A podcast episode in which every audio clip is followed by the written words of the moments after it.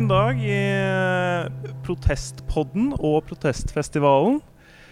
I dag så skal vi snakke om mer enn ett tema. Det blir nærmest en treenighet i dag. Det blir tre temaer. Det blir donasjon, det blir død, og det blir ensomme menn. Som meg. Ish. Um, mens, men vi går først på donasjon, og der, Cecilie, der eh, har du noen klare tanker om hva du er inne på først. Ja, jeg tror vi skal eh, snakke litt personlig etterpå. Men så er vi så heldige vi har eh, lyttet til et foredrag med deg, eh, Lisa Kirsebom. Unnskyld, Kirsebom heter det. Fra Sverige. Og eh, du har kommet hit for å fortelle oss om organdonasjon. Og hvorfor er det viktig for deg? Ja, det ble vel viktig for meg gjennom at min mann behøvde en levertransplantasjon. Ehm, når vi ventet på at den skulle behøves, kan man säga. Sen behövde vi också vänta på själva transplantationen, men först väntade vi på att han skulle bli så sjuk att den behövdes. Och då hann vi börja tänka på detta och jag började förstå att det här ämnet var komplicerat och intressant. Och att jag kunde skriva en bok om organdonationer och både gripa mig an det som vetenskapsjournalist, vilket är mitt yrke, och som privatperson, som hustru till någon som behövde en transplantation. Jag tänkte att det blir nog bra att kombinera i en bok. I forkant av det, hadde du et helt casual forhold til donasjoner som alle andre, eller hvordan var det? Ja, jag visste nog inget speciellt om det, eller jag visste väl ungefär så mycket som man vet. Kanske lite mer eftersom jag har läst en del medicin och så för att jag är som sagt vetenskapsjournalist. Men det var inget specialområde som jag hade mycket kunskap om, det var det inte. Utan jag vet mycket mer nu än jag visste innan jag började. Det er jo lett å tenke at eh, når alt går bra, så har det vært en, en enkel sak, hvis du skjønner. Men i realiteten så er det kanskje ikke så enkelt. Nej, det är det ju inte. Nu talar vi om transplantationen här. Eh, när, utan en människa som har fått ett organ från en annan människa måste ta medicin hela livet för att inte stöta bort, eh, reject, det eh, organ som man har fått. Våra immunförsvar är ju väldigt observanta på fremmede saker. Som, eh, og det er jo bra, for det er derfor som vi ofte kan bekjempe virus og bakterier og annet fremmede. Men dessverre er jo et, en annen människas organ også fremmede. Så min mann måtte ta medicin varje morgon og varje kveld. Hela livet. Annars så förstörs levern. Hvor heldig var mannen din? Fordi slik jeg forsto det på deg, så er det ganske mange som venter i kø i Norge, i Sverige, som, som rett og slett dør i kø fordi, i påvente av en, eh, en, en donasjon eller transplantasjon. Mm. Um, ja, i hans fall så var vi nok aldri redde for det faktisk. Eh, eh, leverpatienter hinner ofte få sitt organ men eh, vi visste inte hur sjuk han skulle hinna bli. Och det finns leverpatienter som behöver leva med mycket större rädsla än vad vi gjorde. Exempelvis om man har förstadier till kräft i levern eh, som man kan få vid vissa sjukdomar. Då om kräften utvecklas, då får man inte transplanteras. Eh, för att då riskerar de nya medicinerna man tar att få kräften att utvecklas i hela kroppen. Så man kan alltså vara i ett läge där man väntar på organ men om ens sjukdom blir värre så får man inte vara på väntelistan längre. Så man kan bli borttagen från väntelistan för att man blir för sjuk. Ehm, men nu hade inte min man just det läget.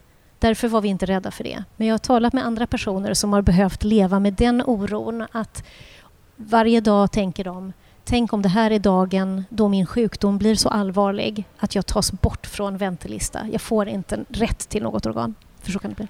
Och din man har jo vært heldig, hvis man tenker på alle de menneskene som står i donasjonskø. Og hvis vi nå flytter oss til Norge, så leste jeg de siste tallene som står på Stiftelse for organdonasjon sine hjemmesider. Der er det 450 mennesker som er i donorkø. Og hvis man skal eh, tenke seg hvor mange av de menneskene som faktisk får et organ, har, har du et sånn cirka tall på det? Ja, lyckligtvis så får ju ändå de flesta ett organ, men, eh, men inte riktigt alla. Förra året var det ju ungefär 40 personer i Norge som avled i väntan på ett organ. Um, och de som får ett kan i vissa fall behöva vänta väldigt länge, vilket förstås är plågsamt och ökar risken för att man hinner bli så sjuk att man inte kan få hjälp av organet. Er det noen typiske organ som, er, eh, som folk ofte dør av å vente på? Mm. Jag är faktiskt inte säker på vad som är... Ja, det, det, får bli lite gissningar i så mm. fall. Men mm. jag kan säga så här.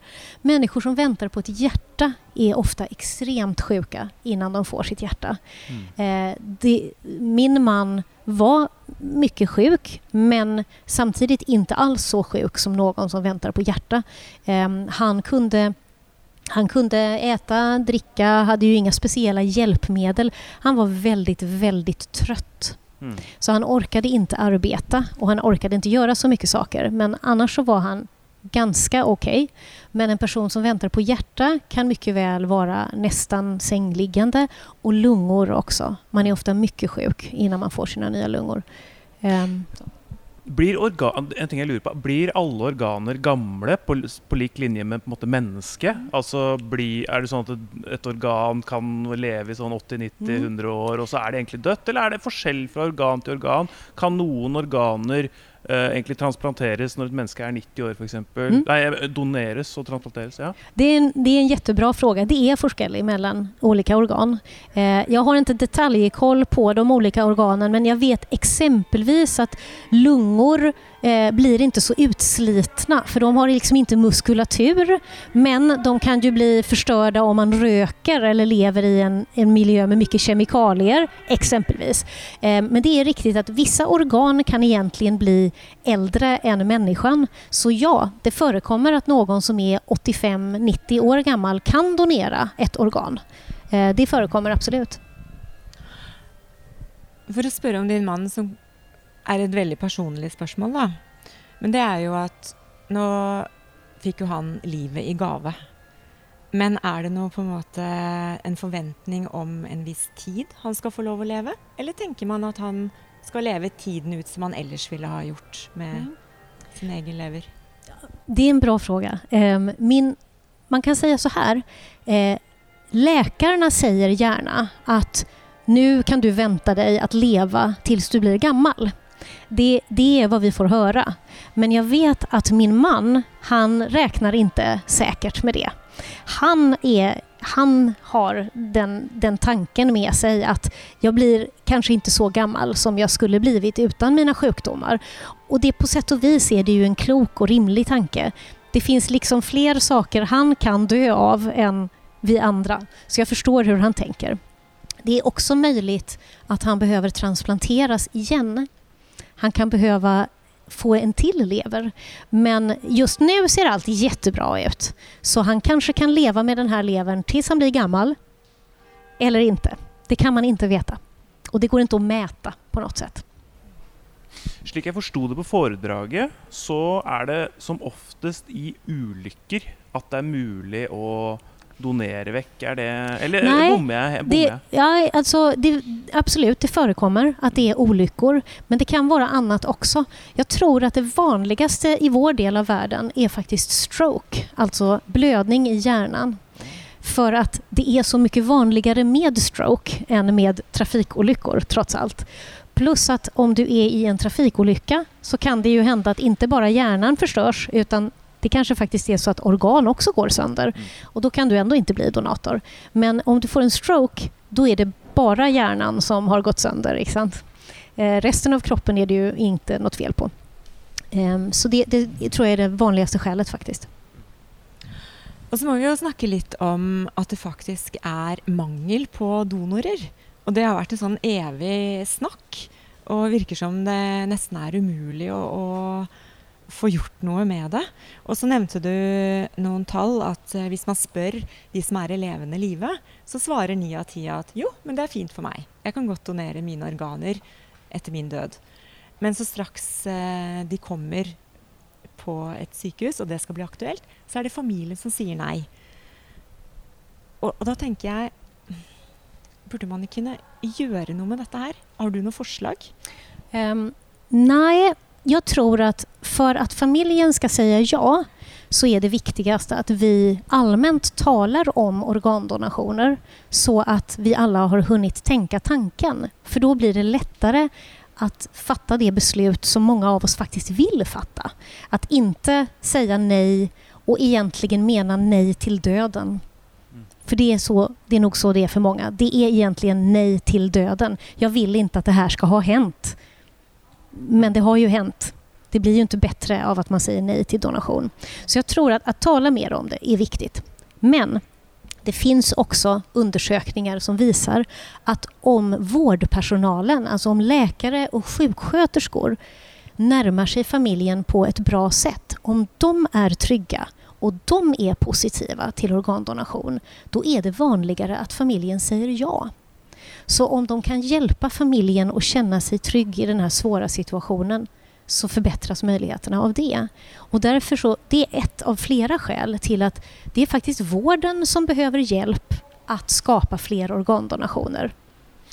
Men, men til tross for det, så er det noe i meg som blir litt sånn provosert av at Hadde det ikke vært best å bare bruke tvang? Altså bare si at, at det, det, matematiske her er uh, klart. Altså, de som dør, har mulighet til å donere. De skal donere ferdig snakka. Og da vil kanskje Kunne ikke det redda liv? Men jeg tror ikke du ville leve i det samfunnet. Hmm. Så det skulle redde liv, men det skulle være en fruktansvärd plass å leve på tror jeg. Der läkare gikk inn, knuffade ut familjen ur rummet og sier, nu skal vi ta hjertet fra mor Modin. Men man kunne jo Jeg, jeg, jeg er litt enig med deg, faktisk. Jeg, jeg vipper til den samme siden. Um, men det er kanskje fordi at uh, man er positiv innstilt selv, da. Så man skjønner ikke at andre kan ta uh, andre valg. Det var kanskje det. Jeg vil at alle skal jag personlig vil jeg at alle som kan skal donere. Men jeg vil ikke at noen skal tvinges. Mm. Men kunne man eh, sett for seg at man gjorde litt omvendt på det? Fordi nå er det jo en, en litt sånn Du skal få dette donorkortet, og så skal det ha det på deg. Og så skal når du er død, så skal noen finne det, og så skal det være den siste vilje, og osv. Det er jo en ganske klønete prosess, vil jeg kanskje si. Så jeg har et forslag. Det er, jeg tror du nevnte det, et reservasjonsregister. Hvor du automatisk, når du er menneske og en, en, en borger i dette samfunnet, så donerer du bort organene dine til andre. Hvis du dør. Mm. Um, flera länder har ju infört sådana system. Um, så vet du vad du brukar göra för skillnad? Ingen. Det hjälper helt enkelt inte. Och det hjälper inte därför att man gör inte så som du frågade om. Man gör inte så att man säger vi har ju ett system här. Vi har ju ett register. Gå er väg. Eh, vi, måste, vi måste ta organen för lagen ger oss den rätten. Man gör inte så i vården. Um, utan även, om, även på de ställen där man har ett sådant register så brukar vårdpersonalen tala, läkarna talar med familjen och om familjen säger ja, hon var positiv, ja, han var positiv, då blir det en organdonation. Men om familjen säger nej, det här vet jag att min far inte ville, då går man inte vidare. Och jag tror inte att det är rimligt att göra på något annat sätt. Så det kan ha ett värde att ändra registersystem för att det sätter ljus på frågan. Det finns det de som tror, eh, som menar att om man byter register, om man ändrar systemet så kommer vi tala mer om det. Och det sa jag ju just att jag ville, så kanske är det bra. Men det har inte så stor praktisk effekt som man skulle kunna tro. För det som du just sa, om man idag fyller i ett donorkort så som det är nu så är det ju inte bara ett kort utan det är ett digitalt register. Så det är inte så att eh, vårdpersonalen inte vet. Eh, utan de, de, flesta som finns i registret finns i ett register kopplat till din identitet så de kan liksom titta i registret via datorn. Eh, så, så det där med att man måste bära kortet på sig det är inte lika relevant i vår tid. Men med det sagt, väldigt många är inte i registret. Och ja, det är ju synd. Men eh, det är fortfarande så att de kan bli donatorer. Men man talar med familjen och frågar om de vet vad den avlidna ville. Och då säger, faktiskt säger också många människor ja då. Eh, det är det vanligaste, att familjen säger ja. Eh, jeg stiller samme spørsmål som jeg gjorde under foredraget. At, eh, for at man tenker at Skandinavia er liksom så flinke til å mm. skape gode systemer og ofte beste Ja, man kunne tro det. Beste liksom, gutten og jenta i klassa liksom, på mange ting. Men akkurat her er vi ikke sånn kjempegode. Vi er ganske middelmådige. Og Varför är det så? Ja, ja, det är en jättebra fråga. För jag blev också väldigt förvånad när jag såg detta. Eh, för man tänkte just, som du säger, ja, men vi är så himla organiserade. Vi är så noggranna. Medan till exempel som Spanien som har bland världens bästa siffror alltså i Sydeuropa. Liksom. Hur organiserade är de? Ja, vad gäller just detta då så är de extremt välorganiserade. Så att för för ganska många år sedan fattade Spanien beslut om att göra en nationell satsning på organdonationer. De utbildade personal så att det finns donationsansvarig personal på alla sjukhus som följer upp, som utbildar sina kollegor, som stöttar och som är observanta på de väldigt få fall där en donation kan bli möjlig. För det är alltid få fall. Det kommer aldrig bli så att säga vanligt det kan inte bli att liksom 80 procent av alla avlidna donerar organ. Det, det, är helt omöjligt. Medicinskt blir det några få procent av alla.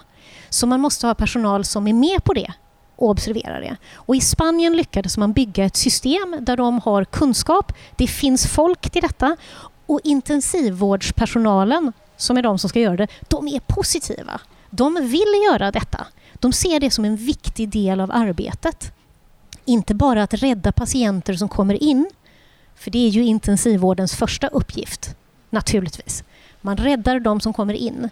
Men att deras andra uppgift är att om man ser att här går det inte att rädda livet, då ska man tänka, kan det bli en organdonation? Och det har de lyckats med. Och vi har inte blivit systematiska på det viset. Inte Norge och inte Sverige. Tusen tack Lisa Kirsebom, dette var väldigt bra. Vet du hva, jeg må si at uh, dette foredraget og denne samtalen her, det var veldig interessant. Ja, ja, altså jeg er enig i at det var interessant, men er det noe spesielt du tenker på? Vet du hva, jeg, uh, jeg sa det så vidt til henne før hun uh, holdt foredraget. men vi, snakket ikke noe om det underveis her i samtalen. Men jeg har donert bort organer fra min far. Ha, har du det?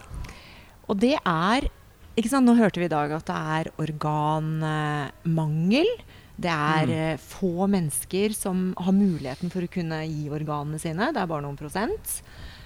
Um, så jeg er en av de ganske få, skjønner jeg nå, som har valgt å si ja når min far kom på sykehuset og jeg fikk beskjed om at livet ikke sto til å redde. Kan jeg spørre, eh, liksom, hva, Var det en ulykke, eller hvordan var det? Var ja, et, uh... han uh, falt, så det var en ulykke. Mm. Og så uh, slo han hodet, sånn at han hadde en hodeskade. Mens resten av kroppen var egentlig OK. Han hadde et hjerte som banket, og, sånn at han hadde sirkulasjon i, i kroppen. da. Så da han kom på sykehuset, så var han egentlig død men ikke ordentlig død, hvis du skjønner meg rett. Så dette, dette måtte, Denne avgjørelsen måtte du ta i affekt, da, for dette, måtte, dette var jo latterlig tragisk. Ja, og vet du jeg, jeg, tenker litt at man glemmer litt det når man har sånne foredrag. Mm. Så glemmer man litt de historiene bak. For det er egentlig ikke bare å donere bort organer som pårørende der og da. Eh, men nå skal ikke jeg eh, holdt på å si snakke sånn at folk vegrer seg for å gjøre det. Men jeg tenker at du sitter på et eh, akuttrom og du har fått en sjokkbeskjed, og du sitter kanskje og er eh, utslitt fordi det har vært eh, mange timer å vente. Og for mitt tilfelle så kommer det inn en eh, lege, og jeg satt der alene, og jeg var hans eneste nærme pårørende. Så jeg hadde ingen slektninger rundt meg. Mm. Og når han kom inn og satte seg ned, og måten han satte seg ned på Han trengte ikke å si noe. Da hadde jeg skjønt at han var død eller døende. Og når han da i neste eh, setning eh, spør Har du tenkt på organdonasjon? Så var det første jeg tenkte på dette var en utrolig utaktisk måte å si det på. Det, det Her kunne du valgt en annen måte. Te- te- Tenkte du, for jeg tenk, Ja. Det jeg tenker når du sier det, er jo at liksom, kan det bli taktisk i en sånn situasjon? Det, liksom, det blir utaktisk uansett, gjør det ikke det? Altså, vet du hva? Eh, jeg tenker sånn Hva med en klem? Jeg, Ja. satt der, jeg satt der helt alene. Jeg følte meg jo og skal miste faren min og har opplevd mye før med denne ulykken og kjørt inn til uh, Ullevål uh, alene og sånn. Så, så når et menneske sitter der helt alene, da må du ta, ta litt vare på den personen. Leger er kanskje Så- litt som prester, at det skal litt til for å få en klem. Og nå skal ikke jeg si at det, det var det som hadde snudd opp ned på det sykehusoppholdet, altså. Jeg skal ikke si det. Men i hvert fall at det er en, en bekreftelse på at jeg ser deg. Jeg skjønner hvordan du har det. Jeg skjønner at dette er en, en ekstrem påkjenning. Det jeg spør deg om nå, det er vanskelig. Og så følte jeg at når jeg sa ja veldig raskt Og jeg legger til at eh, jeg er biolog, faren min er biolog. Ganske sånn ja, ateister begge to. Jeg vet ikke om det hjelper. ganske sånn ideologisk valg, rett og slett. Dette ligger liksom Ja. som støtt i det. Og så jeg tenker at det er en forpliktelse. Mm. Hvis jeg kan bidra med til noen andre menneskers eh, liv, eller at de kan leve lenger, så, så har ikke jeg noe valg. Særlig når du ikke har noe bruk for det lenger selv, eh, egentlig. Egentlig. Jeg er helt enig. Men eh, jeg, jeg tenker at um eh, At det er veldig vakkert, da, hvis eh, Jeg hadde jo egentlig ønske om å se disse tre menneskene som fikk hans organer. Han var 72 år, så han kunne jo ikke donere bort eh, alt eh, som han kunne ha gjort. Så det var en lever, og så var det to nyrer. Ja. Og så er det tre mennesker som har fått livet i gave. Mm. Jeg har altså så lyst til å møte de menneskene. Ja, men, men det er jo en fantastisk tanke, da. At, eh, at uh, tross den tragedien, så, så er det et utrolig lys i det. Er, er det ikke det? Nå, nå, nå føler jeg at jeg snakker over deg litt. Altså, det er du som står i dette her. Men, men, men det må gi et slags, eh, en slags trøst, men en slags mening, eller jeg vet ikke. Ja, jeg syns det er kjempefint. Jeg, jeg gleder meg over det. Jeg kan være stolt av det. Og så hadde jeg egentlig håpet at noen skulle få hjertet hans, for det var så innmari varmt. hvis du skjønner. Så det syns jeg hadde vært veldig morsomt hvis jeg hadde liksom visst om en som satt der med hjertet hans. Det syns jeg hadde vært vært er et helt helt av fantastisk. menneske etterpå. Blitt så varm type. Du har blitt så trivelig. Ja, ja. Kunne blitt spurt om du du adoptere meg. Nei, ja, jeg bare Men nå, nå tuller vi litt, men det tenker jeg også er litt uh, lov, da. Det er jo et uh, tema som er veldig alvor, for det er jo en sånn dramatisk død av Mm. dine nærmeste. Og så skal du gi fra deg det til noen andre som du ikke kjenner. Og så kan jeg bli litt provosert av at, eh, at folk kan si nei. Mm. Det kan jeg bli, Og så tenker jeg, hvis jeg i mitt litt sånn styggeste hjørne, da, Mm. Ja. så kan Jeg jeg tenke du har, ikke, du har ikke krav på helsehjelp, du. Hvis du, hvis du ikke er villig til å, å gi bort dine egne organer, eller, eller eh, noen andres organer, hvis det er du som skal svare ja eller nei på det, tenker jeg at da har du fraskrevet eh, deg en viss eh, mulighet. Dette er et fellesskap. En felles eh, gode. Og der rynker du skikkelig jo- på nesa. Nei, jo, Da vil kanskje den personen si at jeg betaler jo min skatt. Øh, Og, og det er det som betaler for sykehus og, og, og helsevesen. Så jeg er liksom usikker på om akkurat det går an å sette opp mot hverandre. Men altså, jeg er åpen for å sette mye rart mot hverandre. Altså det, Ja, det kan hende det er meg, da, som har vært i den situasjonen at jeg blir litt sånn presset, eller veldig eh, provosert av det, da. Gir dette ekstra mening for deg fordi du er ateist? Altså fordi det er en sånn I, i en slags sånn I en slags meningsløs verden, jeg også, hvis jeg skal være litt sånn øh, Ja, så Hvis jeg skal se litt ned på dere ateister Nei da. Men, men, men så, så kan jeg godt skjønne at da gir dette er et glimt av mening. Ja, nettopp fordi at noe går videre, på en måte. At Ja. livet går videre. At det ikke er forgjeves, eller at det, at det er noe mer, eller hva. Og at, et liv, og at det, tre liv reddes, da. Ja, Um, at ett blir til tre Altså, altså det er en slags ja, ja. At det er en sånn um, Mm. Jeg klarer ikke helt å sette ord på det, men det er en, en Det er en så flott handling som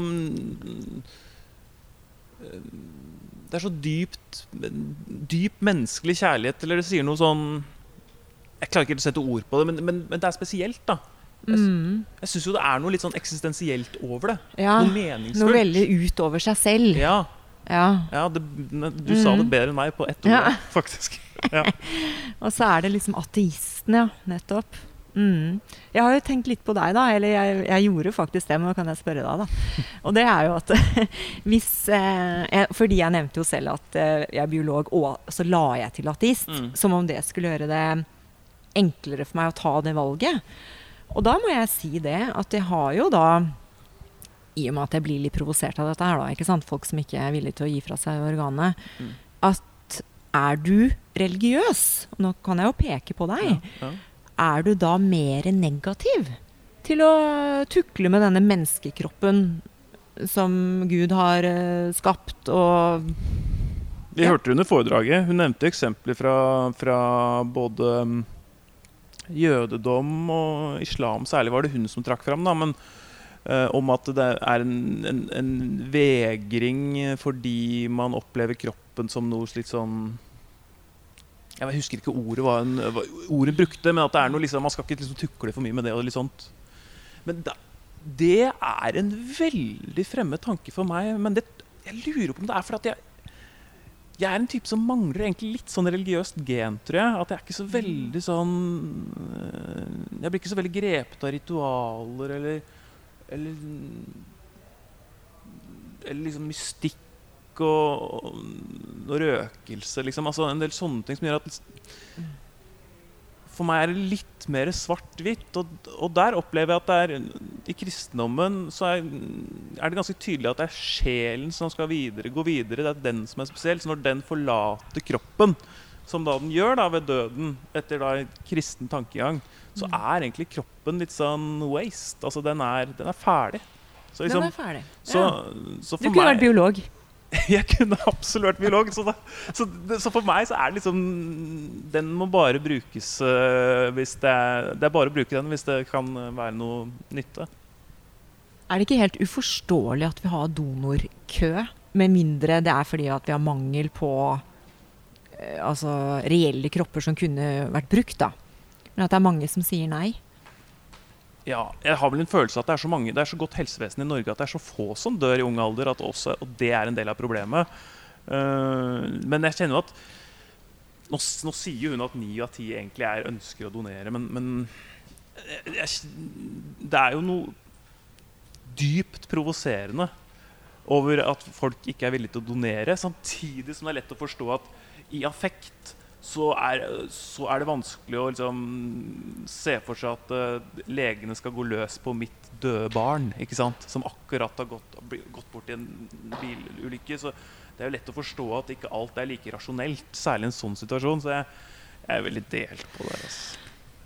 Ja, jeg i hvert fall husker et bilde av denne legen som kom inn, og når jeg svarte umiddelbart ja på spørsmålet hans om, eh, om jeg ønsket å donere organene, så var det nesten som han gjorde sånn Yes! Han liksom den hadde han klart å tikke av, liksom. Jeg følte det litt sånn.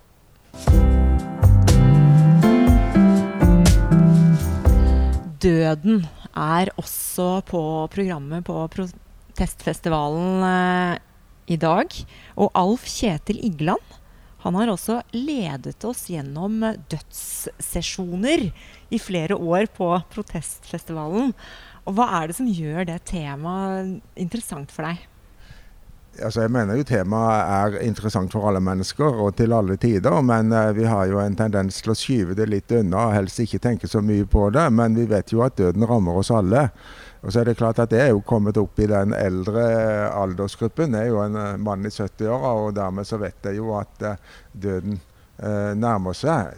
For det ene, også fordi ikke bare alderen, men når du er i den alderen, så går en del av din tid med til å gå i begravelser og til å snakke med mennesker som skal dø. Uh, og faktisk alt jeg som er gammel skribent, har jo da skrevet mange nekrologer det siste året fordi noen av mine kjente er borte nå.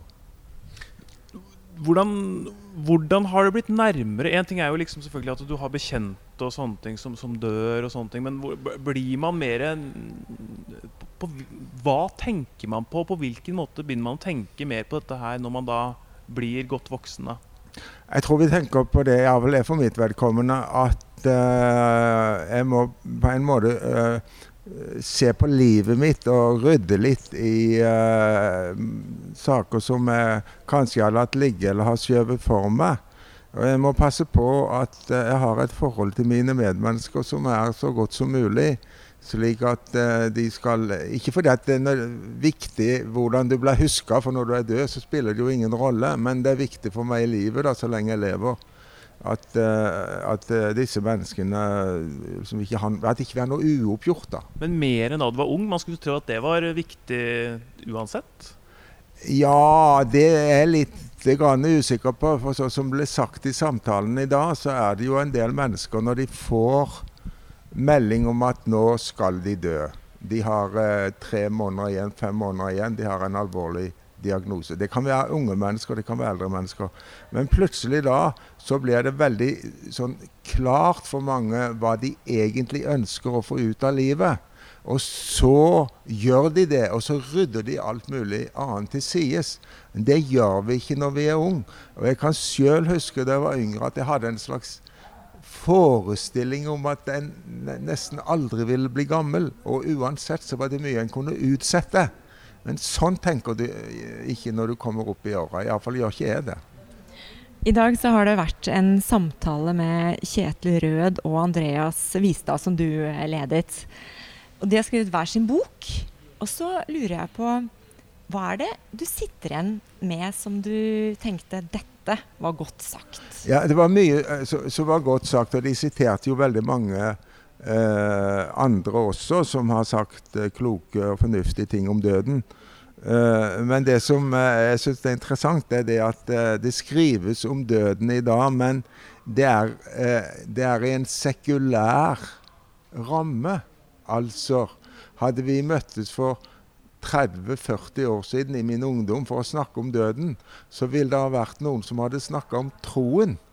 Som ville ha gjort dette til et religiøst anliggende.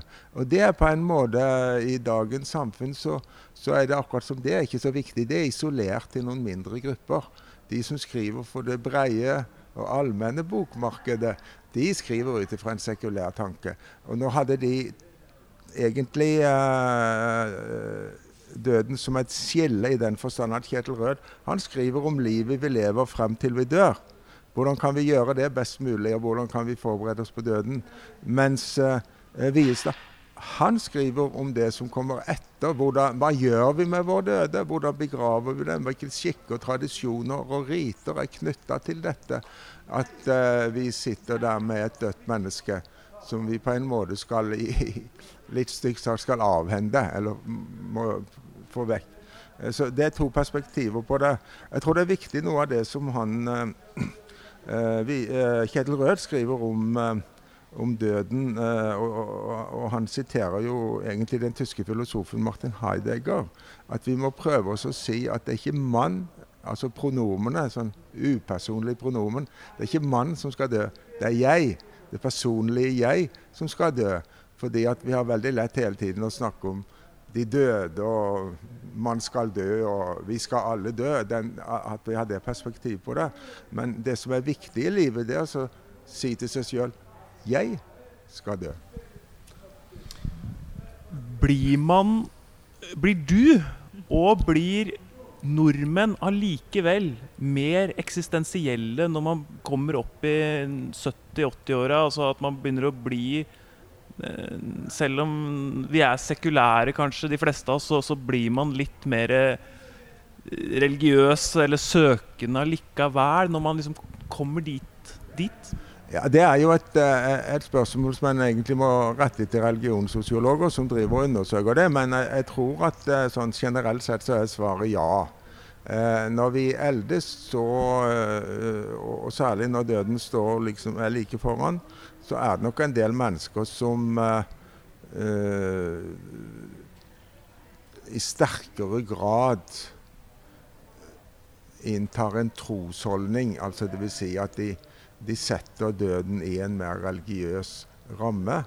Det behøver ikke nødvendigvis bety en kristen ramme eller, eller vår lytterske tradisjon, den som vi står i. Eh, det kan være i veldig mange andre tradisjoner og religioner også. Jeg tror det ligger litt til alderen. Selv om det selvsagt er de som, kan, som er like avvisende, da. Er det en beskyttelsesmekanisme, tror du? En overlevelses... Nei, altså, jeg, jeg jeg tror vi synes det er så vondt og vanskelig å forlate livet, de aller, aller fleste av oss. Uh, I alle fall så lenge vi har noenlunde helbred. Det er én ting når du ligger i store smerter og, og alt er blitt et uh, fysisk helvete. Da er det greit. Da ønsker du å slippe, som vi sier. Men uh, for de fleste, selv om vi er gamle eller aldrende, så er dette noe som vi så nødig vil gi slipp på. Og jeg sitter på mitt hjemmekontor og har utsikt over skjærgården med alle øyer og holmer og sol og måne om kvelden osv. Og jeg sitter mange ganger og så eh, faller litt i tanker når jeg ser utover det. Så sier jeg at en dag så er dette borte. Det er ikke borte fysisk fra denne verden, men det er borte for mine øyne. Og Det er det som gjør det så vanskelig å tenke på at en skal dø og vende bort og ut. Og etter hvert bare bli et navn, et minne, og så til slutt ingenting. Og så tenker man Tenk om det var noe etterpå. At noe av dette kunne oppleves i det neste utenfor kroppen. Alf Kjetil, selv om dette var en litt sånn mørk samtale, så er jeg veldig glad for at du stakk innom eh, oss. Ja, det var veldig hyggelig, og det er et tema som jeg gjerne snakker om. Så hvem vet, kanskje det blir flere protestfestivaler med døden for meg. Ja. Ja. Tusen takk. Ja, Denne mm, mannen, eh, Kalle, som eh, her i dag eh, sies å være et ensomt dyr. Kjenner du deg igjen? um, jeg hadde tenkt å dra på det foredraget i kveld fordi det interesserer meg. Um, fordi jeg, jeg, kan kjenne på en ensomhet. Altså, jeg har jo, jeg har jo hatt uh, holdt på å si koner og kjærester som før. Uh, uh, og jeg merker jo at i sånne forhold så har jeg en tiltrekning til det ensomme. Men så blir jeg ensom av å være aleine for lenge også. Så, så det, er, det, er, egentlig ingenting som fungerer for meg så godt. På, på, så, så, jeg blir veldig nysgjerrig når sånne debatter eh, skjer. Fordi jeg kjenner meg igjen. Um, ja, ga det mening? Ja, veldig. Og så syns jeg det er litt sånn sårt. Er det riktig oppfattet, eller er det bare mine eh, tanker om det?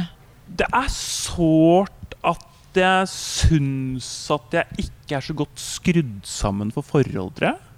For uh, familieliv Kanskje Ja, nå har ikke jeg prøvd akkurat det, da. Men um, også Jeg merker at jeg tiltrekkes jeg tiltrekkes av å være aleine, særlig, liksom, særlig i perioder hvor jeg, jeg, jeg, blir kjent med ei jente, eller liksom, det har vært noe date, eller noen sånne ting. Så, så, men det er noe rart med det. Altså, jeg har hørt at I psykologien så kaller de den schizoide mann.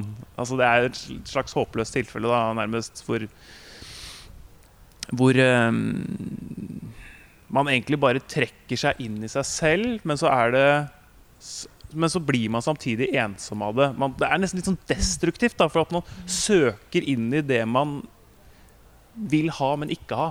Ja. Jeg tror jeg har hørt folk snakke om dette før. Jeg har en følelse at du ikke er veldig alene om det. Jeg tror nok eh, Ja, jeg tror nok du har litt rett i det. Altså, nå vet jeg ikke om jeg fortjener eh, Jeg skulle gjerne hatt en diagnose, jeg òg, altså, men jeg vet, ikke ikke om det er Jeg vet ikke om jeg eh, Da tror jeg det er ganske mange som skulle hatt en diagnose. Men um, Det er derfor jeg kanskje ser, imot, ser fram imot uh, foredraget i kveld. Eller det er vel kanskje mer en debatt. Det er en debatt. Og det engasjerer meg litt. Tror, Svein har jo også vært litt interessert i dette. her, altså Svein Inge Olsen, altså festivallederen. Og, og vi ser jo dette mannsutvalget som er pekt ut i år. Um, vi ser at menn er liksom blitt tapere på en del områder i samfunnet som jeg opplever som ganske viktige områder. Da. Utdannelse og um, Egentlig i forhold til litt sånn um, ja, rettssaker i forhold til barnefordeling og bla, bla, bla. Alt sånt. Jeg kan ikke dette sånn veldig godt, men jeg Men så kommer de også dårlig ut når det kommer til litt sånn selvmordsstatistikker, psyk psykisk helse Det er en sak som liksom jeg har litt på hjertet, da. Jeg brenner litt for det. Um, jeg syns det er veldig viktig. Jeg tenker at jeg er litt usikker på hva som er svarene her, men jeg tror bare at det er et problem da, som vi må snakke om. Vi har vært dårlige til å snakke om det til nå. Um, så jeg, jeg sitter absolutt ikke med noen fasiter, men jeg, jeg, jeg syns flere og flere peker på dette her. Og, og jeg er litt nysgjerrig på hva man kan gjøre. da.